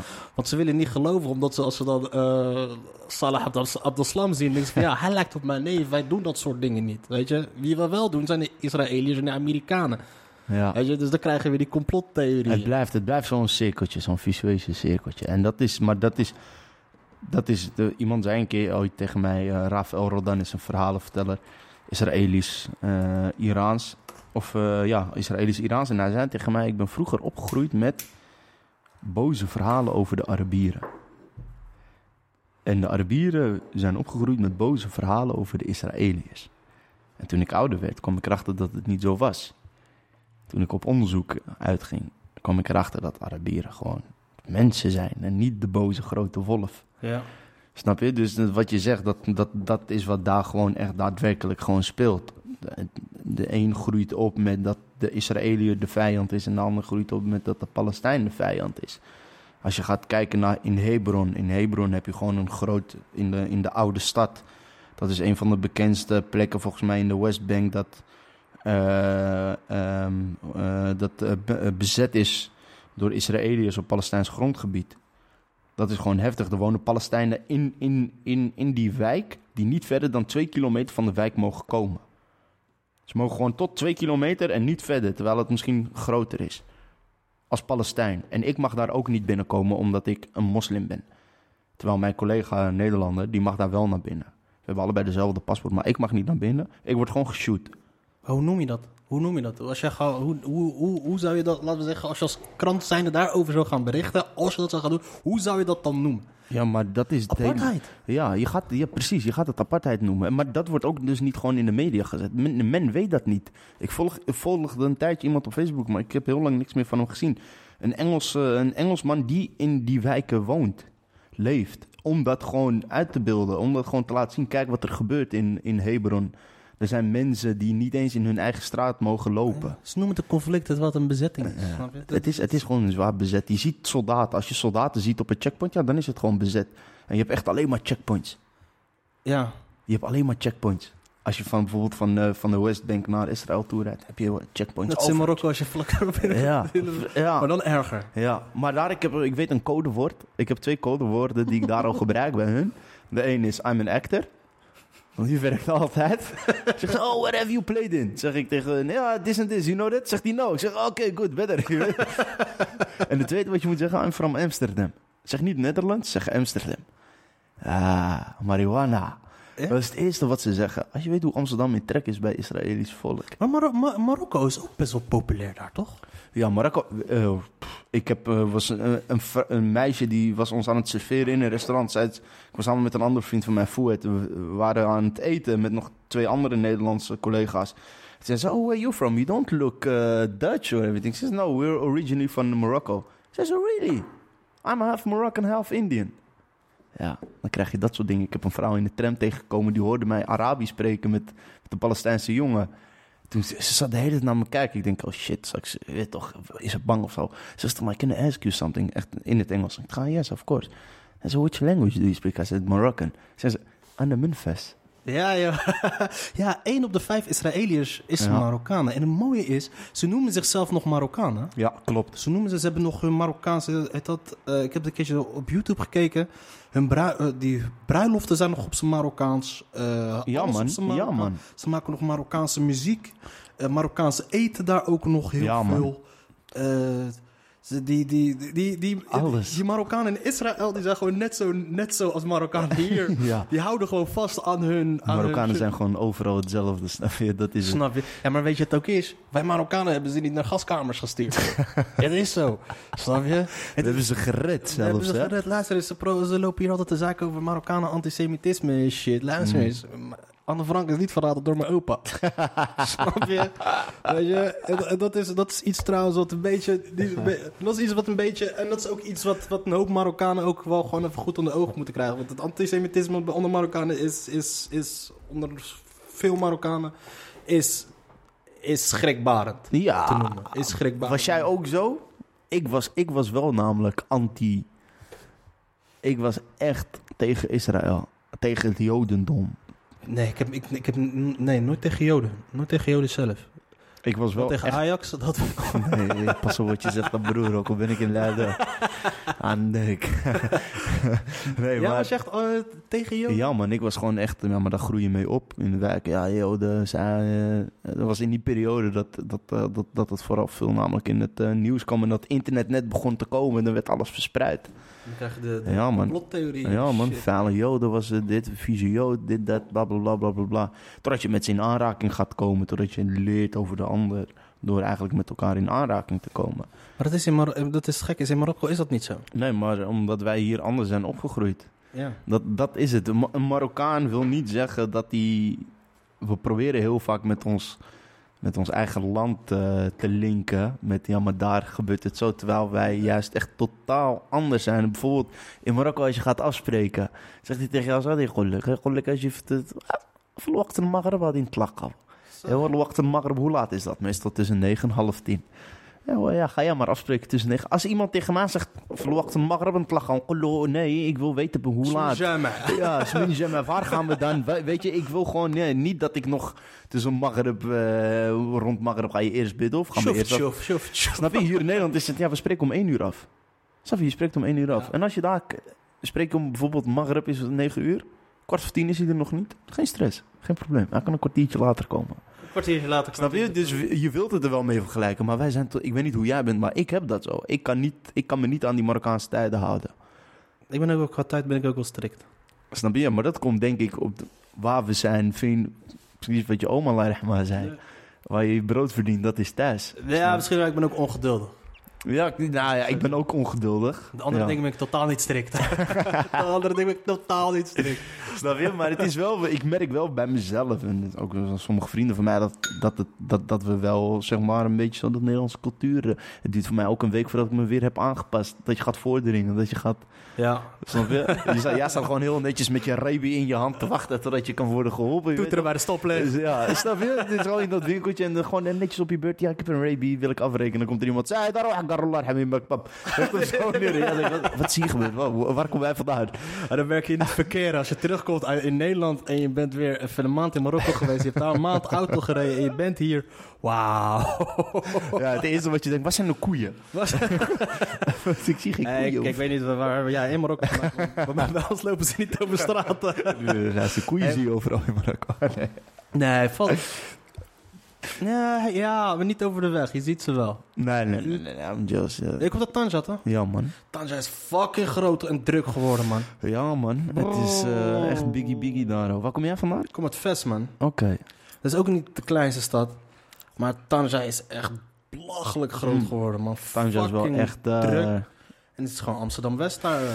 Ja, man, maar ik bevind me niet meer graag op die plekken, zeg maar. Dat is niet meer... eh, vroeger was het wel leuk om naar de boulevard te gaan Ja. en dan eh, zien en gezien worden. Maar nu zit ik lekker op het lokale, in, in het lokale cafeetje, een koffietje te drinken, strand gewoon die Rondaatje huis. erbij. Snap je? Partje, er, partje spelen enzovoort, snap je? Maar het is inderdaad wel Biggie Hilton Hotel is daar al. Twee Mackies, KFC. Dat snap ik niet, man. Ga je naar Marokko, ga je naar de Mac? Ja, omdat het halal is. Ja, die mensen moet je gewoon rammen. Nee, het is niet halal, vriend. Nou, het staat even- toch echt duidelijk. Hier in Nederland zie je geen halal in het Arabisch. In Marokko wel. Azabi, laat me alsjeblieft. Ik ga binnenkort... laat me alsjeblieft in die vaat dat ik het gewoon kan eten. Azabi. Waarom Hey, ik ben geen... eh, nee, maar ik snap... Ga je naar Marokko, ga je naar de Mac? Ja. Ik, eh, ik, zeg, ik, ik, ik, ik kom ze in Vest heb je zo... Ja, ze- Vest is het lekkerste eten van Marokko. Mhm. Snap je? En dan Mhm. ga ik niet naar de Mac. Mm. Snap je? Dan ga ik echt niet naar de Mac. Nee, nee. Nou, ik ben, als ik ga, ga ik misschien wel één keer. Omdat je dan eventjes zo'n lekkere Big Mac en een McChicken wilt nemen. Ja, toch, die heb je... Vroeger at, ik het veel, snap je? Op een gegeven moment ga je weer op de halal tour, weet je. En dan duurt weer drie, vier jaar voordat je weer even een kroketje... Je mist niks. Je mist niks. snap je? Ja, dat is het wel, maar... eh, nee, maar, maar Tanger is echt... eh, Je kan, je kan altijd nog naar, uh, naar Lareis gaan, naar Azilla. Ja man, het is dichtbij. Daar gingen wij vroeger altijd heen. Mijn vader heeft daar, volgens mij heeft daar een huis nu. Waar, Lerres of was Uh, het? Azilla. Wij gingen er vroeger altijd heen. Daar. Ik ben daar bijna dood gegaan. Allahu akbar. Ja, man. Luister. je, weet, dat- je weet hoe die stroming daar is, toch? Ja. In die Ja. fucking leesvaar. En ze hebben daar toch al in Marokko hebben ze altijd van die vlaggensystemen. Als het, eh, als het blauw is, kun je veilig zwemmen. En, eh, hup. en als het dan een zwarte vlag hangt op het strand, dan betekent Fred, eruit. Ja. En ik kan me nog een keer herinneren, ik was een jaar of zes en we waren daar aan het kamperen. En ik was aan het zwemmen. Ik was denk ik een metertje of vijftig van het, van het, eh, van het, eh, van het, eh, van, van het strand af. En op een gegeven moment, het slaat gelijk om. Want je weet daar, kijk, de Middellandse Zee, de Atlantische Oceaan komen elkaar daar, daar samen. En die stroming is gewoon levensgevaarlijk. Mm, mm. Gewoon levensgevaarlijk. En op een gegeven moment, die, het, het wordt volgens mij, het werd app op dat moment. De zee begon te trekken en ik denk, weet je wat, ik ga zwemmen, ik zwem terug, maar het lukte maar niet. Zwemmen, zwemmen, zwemmen, zwemmen, zwemmen, zwemmen, zwemmen, zwemmen, voor mijn leven op een gegeven Mhm. moment. En het allerlaatste wat ik mij dus kan herinneren, was dus op een gegeven moment dat ik iemand zag aankomen, naar me toe komen zwemmen en toen ging alles op zwart. Ik werd later, werd ik wakker in de tent, bij me in de, in de tent. En mijn, mijn vader kwam naar me toe en zei, wat is er gebeurd? Hij zei, hoe bedoel je? Hij zei, ik kwam binnenlopen als een zombie. Ging je slapen. En in je slaap zat je te schreeuwen, help, help, help, help, help. En dat heb, daar wist ik helemaal niks meer van. Ik was op een gegeven moment, in het water was ik dus gewoon knock-out gegaan. Toen die gast me had getrokken. Ik was zo moe. Had me aan het water gehaald. Had me op het stra eh, uit het water gehaald. En ik ben dus op de automatische piloot, ik weet niet hoe, ben ik naar de tent toegelopen. En was ik gelijk gaan pitten. Wauw. Als die gozer van niet had gehad, was ik gewoon dood. Wauw. Dat is wel heftig, man. Fucking ziek is dat, man. Zo, ja, want het is daar inderdaad wel... Het kan daar echt heel gevaarlijk zijn in Marokko, man. Met de, met de zee Ja, vooral daar, vooral daar. Maar dan gaan, we, gaan regelmatig mensen dood. daar. Ja, man. Ook in Tanger heb je die Ashakar. Maar heftige, heftige... Ik, ben er wel, ik was wel flabbergasted. Wauw, man. Ja, dat was het. Hoe oud was je? Een jaartje vijf, zes, denk ik. Wauw. Ik had mijn zwemdiploma B, dus dat kon. Ja. Of zwemdiploma A had ik. Ja, maar ze, leren, ik had mijn B zelfs. ja, maar ze leren je niet hier zo die zee in Marokko Nee, werkt. man. Dat is, die zee daar is eh, fucking ziek. Ja, man. Echt lijp, ja. Ja, man. Je hebt daar wel prachtige strand daar in Azayla Keflehmem. Zo'n strand van twee kilometer. Ik ben er heel lang niet meer geweest. Ja, man. Is wel echt mooi. Moet je via een berg helemaal naar beneden met zo'n ezeltaxi. Ezeltaxi. Ja, man. Zo'n ezel heeft zo'n hele, grote soort van, nou, een soort van een eh, plank eh, op wielen. Noem ik het plank op wielen. ik weet niet hoe je dit op zijn Nederlands noemt, maar een plank op wielen. Dat is die Romeinen die ze vroeger Ja, hadden. ja, precies, ja, precies dat. Maar dan gewoon echt zo'n grote plank, gewoon 4 bij 4 meter met een ezeltje. En dan zit iedereen gewoon zo erop. Zo'n Acht man stuk. nou ja, en dan gaan ze zo naar beneden. Dan zijn ze een uur bezig voordat ze bij het strand komen. Wauw. Maar het is wel fucking relaxed. Blijft die gast daar ook wachten tot je terug wilt? Of, eh? Nou, op een gegeven moment zeg je tegen hem, "Laat- zeg je tegen hem, "Laat, kun je terugkomen rond een uur of vijf als je weer hier bent. En nou, as long as you pay, he will do... Is eh, alles oké? Ja, je? Is alles oké? Waarom? Ja, man. Nice, man. Heb ik er nog Ja, eentje, tuurlijk, ja. Dat ben jij, ja. Maar Azze, wat ben je dit jaar nog geweest, Marokko? Ja, man, in september. Beste tijd om te gaan. Heerlijk. Ik was eerst naar Agadir met twee vrienden van me. We hadden ongeveer vijf dagen gezeten. Toen ben ik naar Tang gegaan, man. Rustig. Ja, man. Eindelijk kon ik weten... eind- Eindelijk zag ik, eh, zag ik eh, Tanger. Snap je? Ja. Eindelijk hoefde je niet te denken van... Ik moet straks de, de 17 pakken naar Osdorp of Ja. naar Centraal Station. Dan dat heb je daar. Dat heb je in Titwan heb je dat heel erg. In de zomer heb je dat in Titwan heb je dat heel erg. Het zit vol met Amsterdam daar. Ja, man. Het is gewoon vol. Ja, man, niet normaal. Nou ja, ik weet niet eens of het Amsterdam is. Het zit vol met Marokkanen uit Europa. En ja, Marokkanen lijken gewoon heel veel op elkaar. Klopt. Snap je? Klopt, klopt. Maar het is wel vooral heel veel Amsterdam. Mm. Heel veel Amsterdam. Ja, man, ook Cleopatra heb je daar ook. Zo'n tent. Ik ben daar één keer... Ik hou niet zo echt van dit, want ik vind het klein en ik vind het te veel eh, eh, zien en gezien worden Die mentaliteit. Marina Smeer daar. Ja, die mentaliteit, man, die zie mij. Je weet toch, ik wil gewoon... eh, er zijn sommigen die daar gewoon echt een pleziertje uithalen, weet je. Gewoon, die vinden dat relaxed. Weet je, niks op tegen. Maar ik zelf, ik voel me niet zo, eh, zo, zo fijn op zo'n plek, weet je toch. Ja. Dus ik ga zo meestal gewoon echt eh, naar, eh, naar die cafeetjes, oude cafeetjes aan het strand. Maar gewoon echt het volk, waar echt de shab komt. Waar je gewoon echt Ja. de risa, waar je mensen gewoon echt hoort praten. In plaats van, wat vind je nou, Mattie? Waar was je vanmiddag op het strand, Asabi? Ah, Snap je? Dat, eh, weet je wat mijn broer altijd vroeger deed? nou, Die had... mijn broer die had dan vroeger, als hij dan naar Marokko ging, had hij dan zo'n jalaba had hij dan aan. Die had hij dan altijd aan. En dan ging hij dan zerea halen. Had hij kilo zonnepitten. Dan ging hij voor de deur zitten. En dan deed hij dan zo zijn benen wijd. Dat die had je dan die, dat kuiltje Ja. erin. En daar zit dan... had hij dan gooit hij die. En zit hij de hele dag voor de deur. mooi man. Mooi. zit hij zerea te eten. dat is zijn vakantie. Ja, dat is toch gewoon eh relaxed. Het is toch gewoon fucking chill dat je dat doet. Ja, daar moet je, moet je er zin in hebben. Moet je er zin in hebben. Ja, maar, ja, dat, maar, dat, nee, maar dat doe ik ook wel eens. hoor. Dat is gewoon... Hij heeft, hij heeft groot gelijk. Ja, het voordeel bij ons is, als je, eh, jullie hebben nog strand en dat soort dingen, dan ga je overdag de deur uit. Maar bij ons gaat niemand over de dag de deur uit. Nee, het is fucking heet daar. Tussen hoor. 12 en 4 is het gewoon, laatst zelfs de muggen, de vliegen en dat soort shit, die gaan gewoon slapen. Wow. Het is gewoon, eh, deze zomer was mijn moeder daar, dat sprak ik haar het was gewoon 51 graden. 51 graden en komt er nog bij vest zit in een dal. Ja, ook nog. Zit in een dal, geen, geen wind, geen verplaatsing, niks. Die 50 graden valt gewoon zo er vol op en klaar. Je hebt geen, Het heet je, hij strekt je. Oh, je kan geen raam open doen, ook al doe je raam Mm. open. Het heeft niks, niks heeft zin. Heftig, man. Het is daar, het is daar hel. Maar pas rond hoe laat? Zeg maar na vieren, dan pas gaat iedereen een beetje zo de deur uit daar. Het is sowieso, het is tussen 12 en 4 is het gewoon dood. Is het gewoon, is alles gewoon, ligt alles gewoon plat.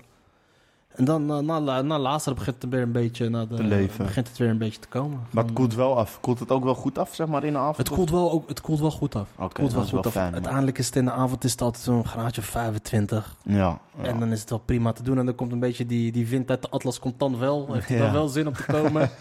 Beetje je, laat. je, dan heb Op zijn Marokkaans al zijn we, ja. Met door afgesproken. Dan heb je wallah, met een ik ga niet. Is Dat te warm. magere wijze misschien. Dat magere wijze misschien. En dan, en dan, is het, dan is het prima te doen. En dan zijn die avonden in zijn dan wel echt relaxed om daar gewoon een beetje te zitten. Een beetje te hangen. Dat Mooi, is wel man. echt relaxed. Maar voor de rest, we, dit is een hel.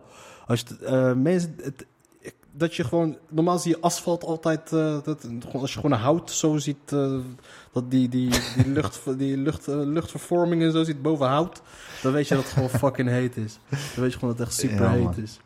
En dat heb je gelukkig in Tanger, heb je dat niet, man. Zo die extreme hitte. Ja, jullie hebben nog een windje, man. We hebben nog het windje, maar soms is het ook windstil. Maar dan kan het ook wel echt pittig worden in de avond. In de nacht. Als het windstil is, Ja. dan kan het daar ook wel erg warm worden. Maar ik heb gelukkig mijn tante, die woont op een berg. Helemaal bij We Malabata. wonen, we wonen allemaal op een We berg. wonen allemaal op een berg. Ja, precies. Nee, maar meer zijn we bij. Het is een, een eh, meer bewoonde berg, zeg maar. Is, we zijn heel veel huizen daar. Zo. maar die woont zeg maar aan de kust. En dat is wel chill. Dus ook al is het heet. en- Maar, als ze kijkt op haar balkon, dan kijkt ze zo uit over de Middellandse Zee. Dus dat is wel relaxed. En mijn oma's huis ook. Maar als je verder wat tanger ingaat, dan, dan, wordt het, dan heb je niet echt een... eh, dan zit je wat meer in de binnenstad. En als het warm is en het windstil, het koude is moet je alle ramen in het huis opengooien. Klopt. Maar het idee alleen al dat je naar het strand kijkt, ik kan al Ja. verkoelend werken. Wij Ja. als je even kijkt, zo kijk je tegen zo'n berg aan en die berg groeit niks op. En het is een hoge berg, er groeit echt niks op. Die zegt ook gewoon in je fantasie, die zegt I'm going nowhere. Oh, ik, heb het, ik haat mijn leven. Ah, man. Ja man. Mooi. Moet jij trouwens, moet jij niet... eh Ja, Leids Cabaret Festival. hoe begint dat? Half negen. Kwart over, kwart over acht gaat het beginnen, man. Farbot in de finale, man. Wauw. Ja, dat is mooi, man. Wauw, wauw, wauw. Ik hoop Ja, man. dat hij hem gaat pakken, man. Jawel man, wordt tijd. Het is, ik heb... Maar eh, kijk, en de- hij heeft ook geen theateropleiding gedaan. Nee, hij heeft journalistiek gedaan. Hij heeft journalistiek gedaan. Kijk, veel stand-up comedians die, die, die hebben echt geen, eh, geen theateropleiding gedaan. Eh, Stand-up comedians niet, maar een beetje die cabaretiers wel. Ja, cabaretiers wel, want dat is de kleinkunst. Daar, daar leer je gewoon kijk, cabaret. Kijk, het verschil tussen cabaret en stand-up comedy, denk ik. Cabaret heb je meer gewoon een verhaal, een rode draad in je lijn. Wat, wat bijvoorbeeld iets wat in je leven is gebeurd. En daaromheen maak je grappen. Bij stand-up comedy is het gewoon punchline, punchline, punchline, punchline. Ook met een rode draad. Maar wel continu punchlines en wat minder met... Kijk, cabaret is muziek erbij en... en Ja. Met het hoeft niet per se. Nee, het hoeft niet per se, snap je? Marokkanen huilen niet. Zei ook ooit een keer iemand tegen mij, zei ze tegen mij, ja, je kan hem ook in als cabaret verkopen. Cabaretvoorstelling, omdat het ook, het gaat over iemand die niet weet waar die thuis hoort. Over liefde hebben voor twee culturen en, en, en identiteit. Wie ben ik? Snap je? En zij zegt, dat is een heel mooi gegeven voor een cabaretvoorstelling. Maar ja, het enige wat jij hoeft te doen is gewoon nog een paar grappen erin gooien. Ja, Ja, de maar dat, ja, dat, dat is het leuke. Tijdens de- soms, zeg maar, dan, dan, dan speel je de voorstelling voor het eerst... en dan, dan gaan mensen lachen om dingen die je niet, had, die je niet grappig bedoeld had, zeg maar. Maar dat... dat, dat en dan... dan eh, het was nooit mijn insteek geweest om... Ik wilde gewoon echt een, een dramatisch verhaal ervan maken. Voor Marokkanen huilen niet. En Ja. ook voor gelukzoeker. Weet je... Wel gewoon serieuze, serieuze blik. Maar het, ging, we neigden meer. Maar ik denk dat dat in mij is gewoon dat die, die, eh, die, die, eh, die, komie- die komiek, zeg maar, die, die dat het beste naar voren, want, naar voren kan brengen op die manier. Want om dingen te kunnen bespreken die best wel. Humor relativeren. Ja, weet je, best somber kunnen zijn. Want je hebt het over. Ik voel me niet thuis en ik woon hier al 30 jaar, bij, bij wijze van spreken, snap je? Ja. Wat moet ik doen? Dat is best somber, maar met, met, met grapjes erbij, dan maak je het luchtig. Klopt. Maar ja, humor, humor Ja. komt uit pijn. Ja, dat is het. Humor komt uit pijn. Ja, man. Al, al die, als je gaat kijken, al die, al die eh, comedy waar het allemaal vandaan komt, komt uiteindelijk allemaal uit pijn. Allemaal uit, eh, dat, Ja, allemaal uit eh, pijnlijke situaties. Daarom zei Joda dat, dat, dat, dat heb je heel veel bekende Joodse comedians, heb je heel veel bekende Am- Ja. Amerikaanse comedians. Dat, dat komt uit de pijn die mensen hebben. Om dingen natuurlijk veel te bespreken. Heb je La Dolce Vita gezien? nee man, nog niet. La Dolce Vita, dat is die, dat verhaal van die gozer die dus, de, eh, weet dat, ehm, hij zit in een, eh, hij zit in een eh, concentratiekamp met zijn kind. En om zijn kind niet het gevoel te geven dat ze in een concentratiekamp zit, eh, het voert hij een heel toneelstuk op. Je moet hem even kijken. Het is, eh, Mooi man. het is, een mooi, het is echt een mooi verhaal. Staat hij op Netflix? Volgens mij niet. hè. Ah. Het is een klassieker is het. Dus, hij, hij kan best wel op Netflix staan trouwens. Een hele oude film is het trouwens. Oké, dit is wel interessant om te zien. Ja, maar daar, dus, dat is die pijn waar het vandaan komt. Ja. Omdat je dan bepaalde dingen gaat brengen en eh, gaat maken. maar je moet het ook wel, ik weet niet of het zo is, niet iedereen kan grappig zijn, volgens mij. Nee. Snap je? Het is ook, het is ook wel soms, kijk, wat ik, wat ik nog nooit heb gedaan is, een, is zijn mijn grappen uitschrijven. Als ik een stand-up comedy set doe en ik kijk op tegen die, tegen die jongens die dat wel doen.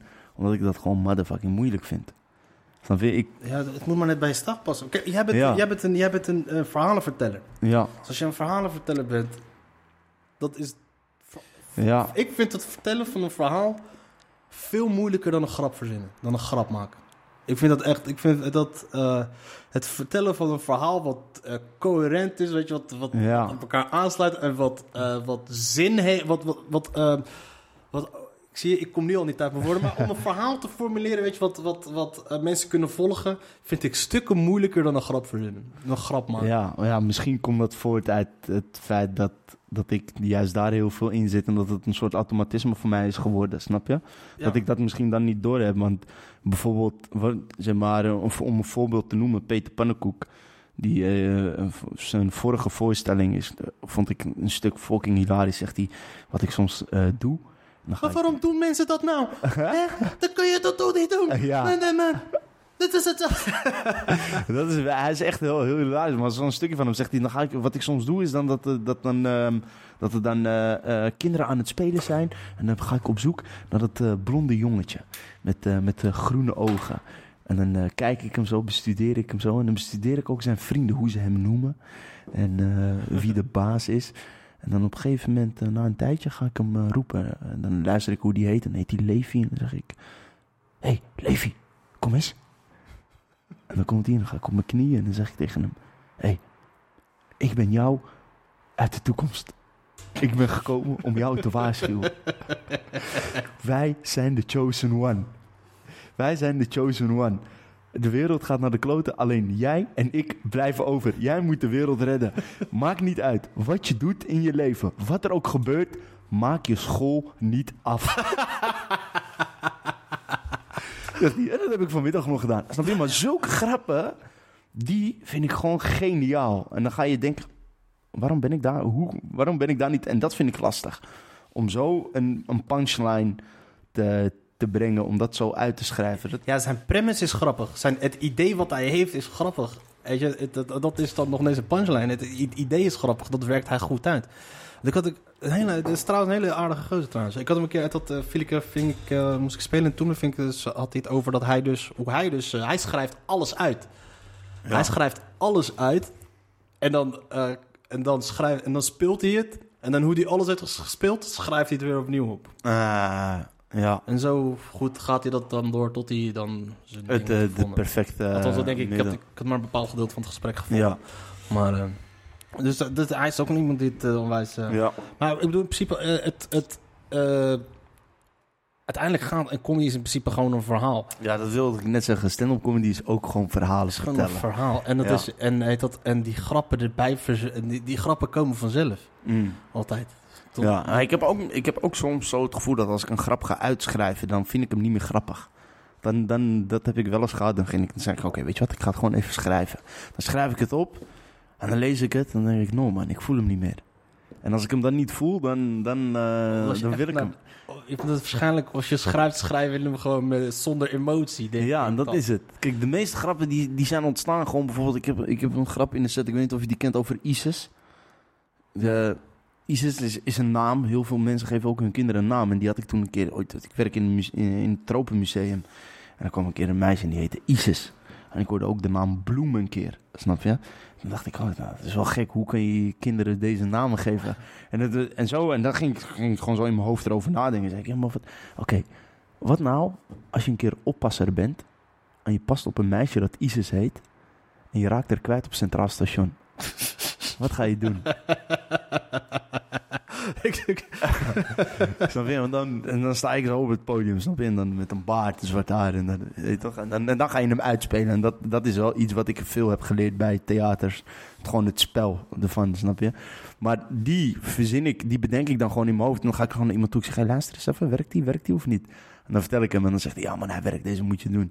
En zo ontstaat het meestal. Als je hem uitschrijft. Maar meestal als je hem uitschrijft, als je- het in je hoofd hebt, dan denk je erover na hoe je hem gaat vertellen. Ja, Maar als je hem dan uitschrijft, dan is het meer van. Dat, dat had ik bijvoorbeeld in het begin altijd heel erg. Ik zit nog steeds in het begin daar niet van. Maar had ik, dat ik. ehm, eh, ik schreef het op zoals ik het in gedachten had. En dan schreef ik het zo op. En dan probeer ik het zo exact zo op te lezen. En dan ging je dood.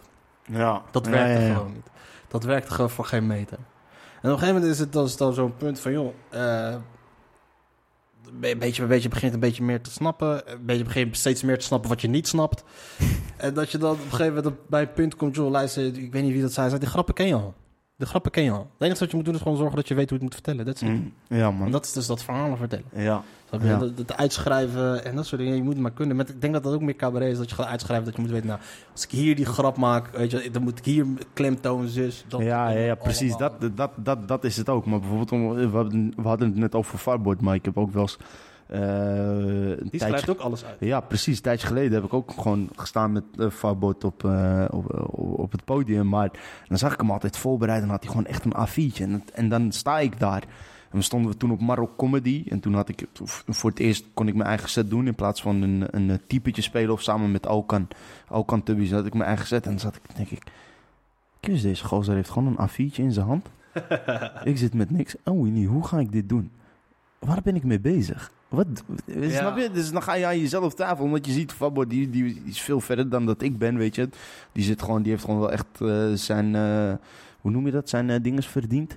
Een strepen. Uh, ja, zijn strepen en verdiend. het- vanavond helemaal open, man. Zeker, man. Sowieso. Volgend jaar is die, is die de King of Leids Cabaret Festival. Ik hoop het, man. Weet je, ik, ik, wat, ik, ik ga op de D12-tour met hem.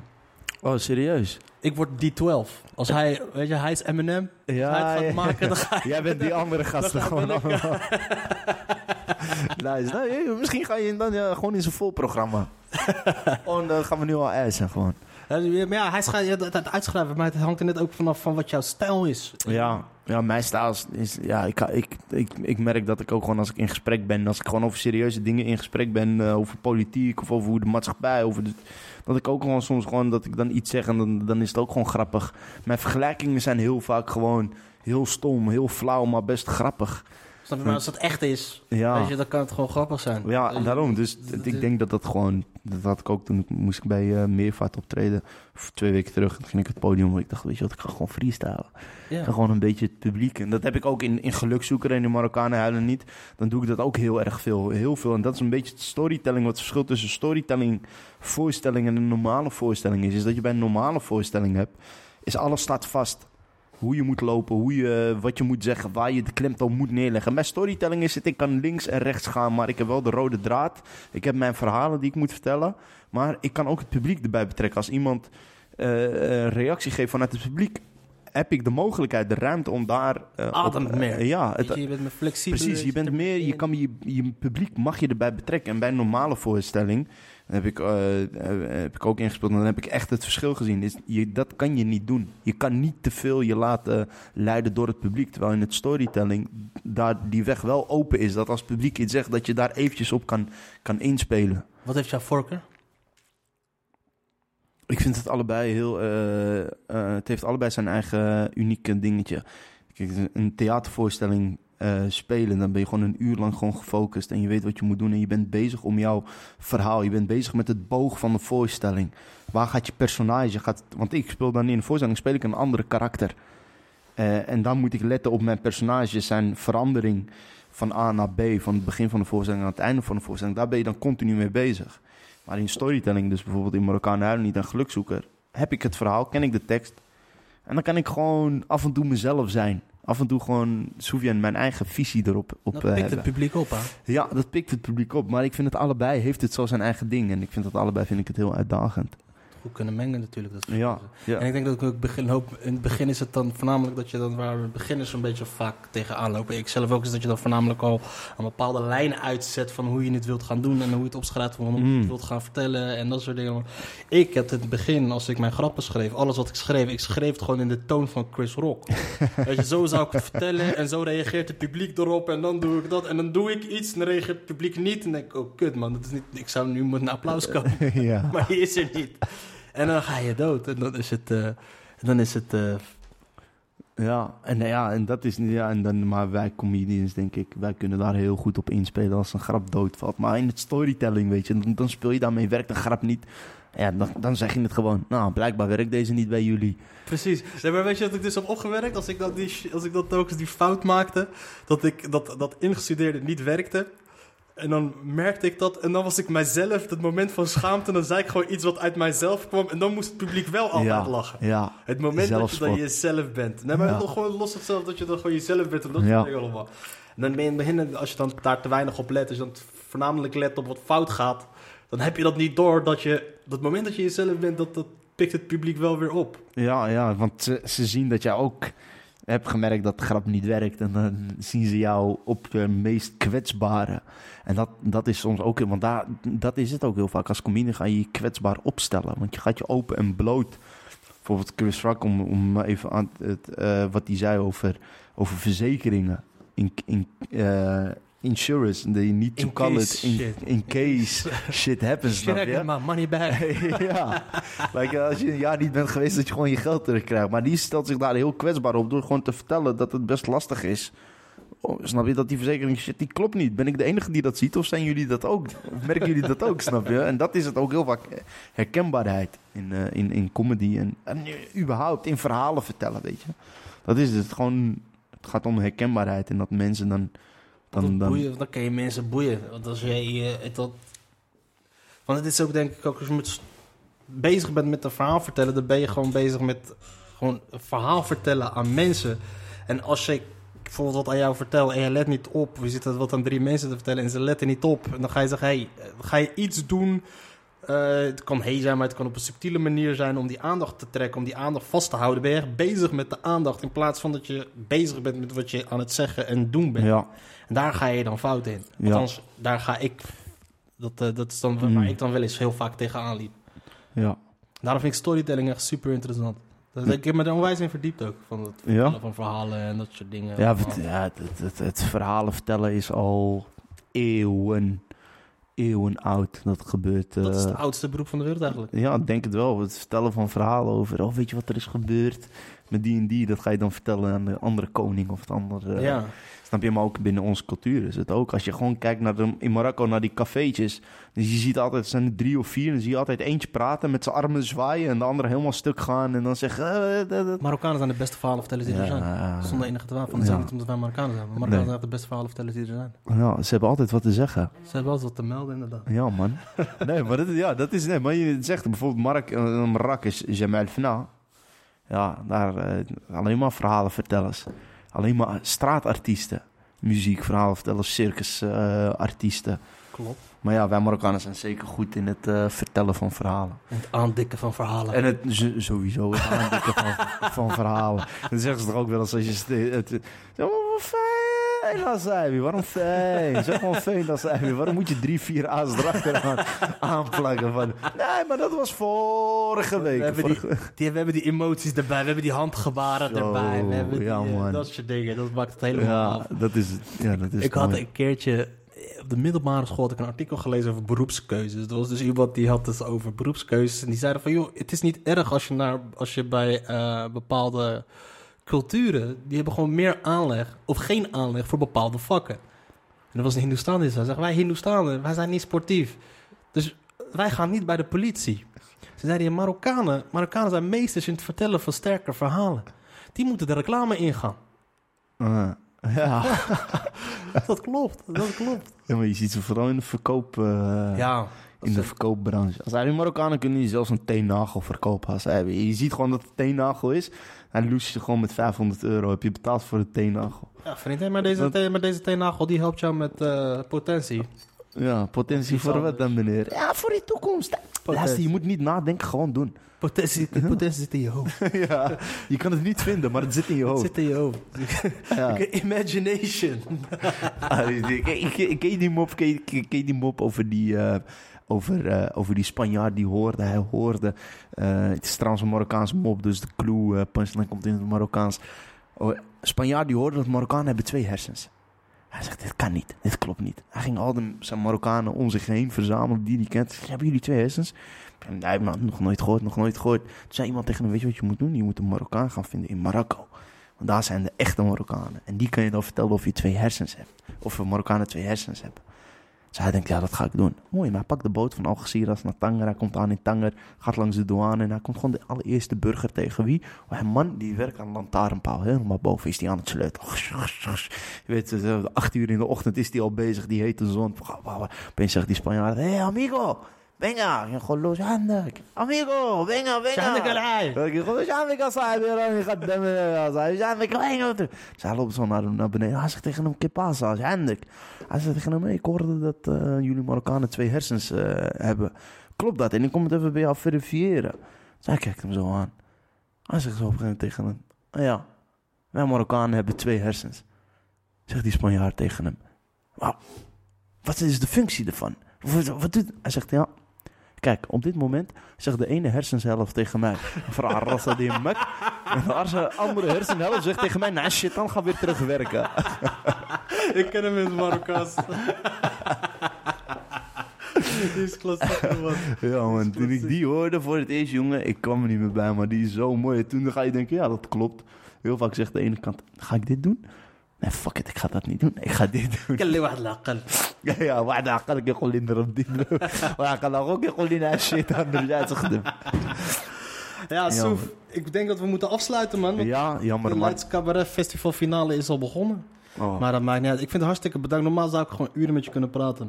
Ja man, ik, Maar eh, ik vind dat er een deel 2 moet komen. man. ik vind het ook. Ik vind dat er Zeker. een deel 2 moet komen. Ik wil je bedanken dat je er was, man. Thanks voor de uitnodiging, Thanks, brother. Je bent altijd welkom. Je bent Dankjewel, altijd man. welkom. En, Dankjewel. eh, heb je nog wat te pluggen? Wanneer speel je weer in het theater? Ja, sowieso 18 september. In Utrecht. Utrecht, in Utrecht stad Schouwburg, speel ik Gelukzoeker. En eh, binnenkort ook in Mozaïek. Ik heb volgende week een gesprek voor een klein festivalletje. Ga ik ook iets doen. En ook nog wat andere dingen wat ik eh, nog niet kan verklappen, omdat het nog niet zeker is of het doorgaat. Weet Oké, je, dan ga je in de jinxen. Ik Eh, ga, ik, ik, eh, die volgers van mij, ik hou ze op de hoogte. Mooi, mooi. Ik hou je sowieso ook op de hoogte. En eh, mocht je ooit in Lelystad zijn, geef me een belletje. en, eh, Sowieso, er valt niet veel te zien, maar Nou, bedankt dat je er was, man. alsjeblieft. Bedankt. Nou, dames en heren, dit was podcast nummer 5 met Sufjan Moussouli. En ik ga nu richting de Leidse Cabaret Festival om mijn Mattie Farbot te steunen. Tot gauw. Mazzel. Ciao.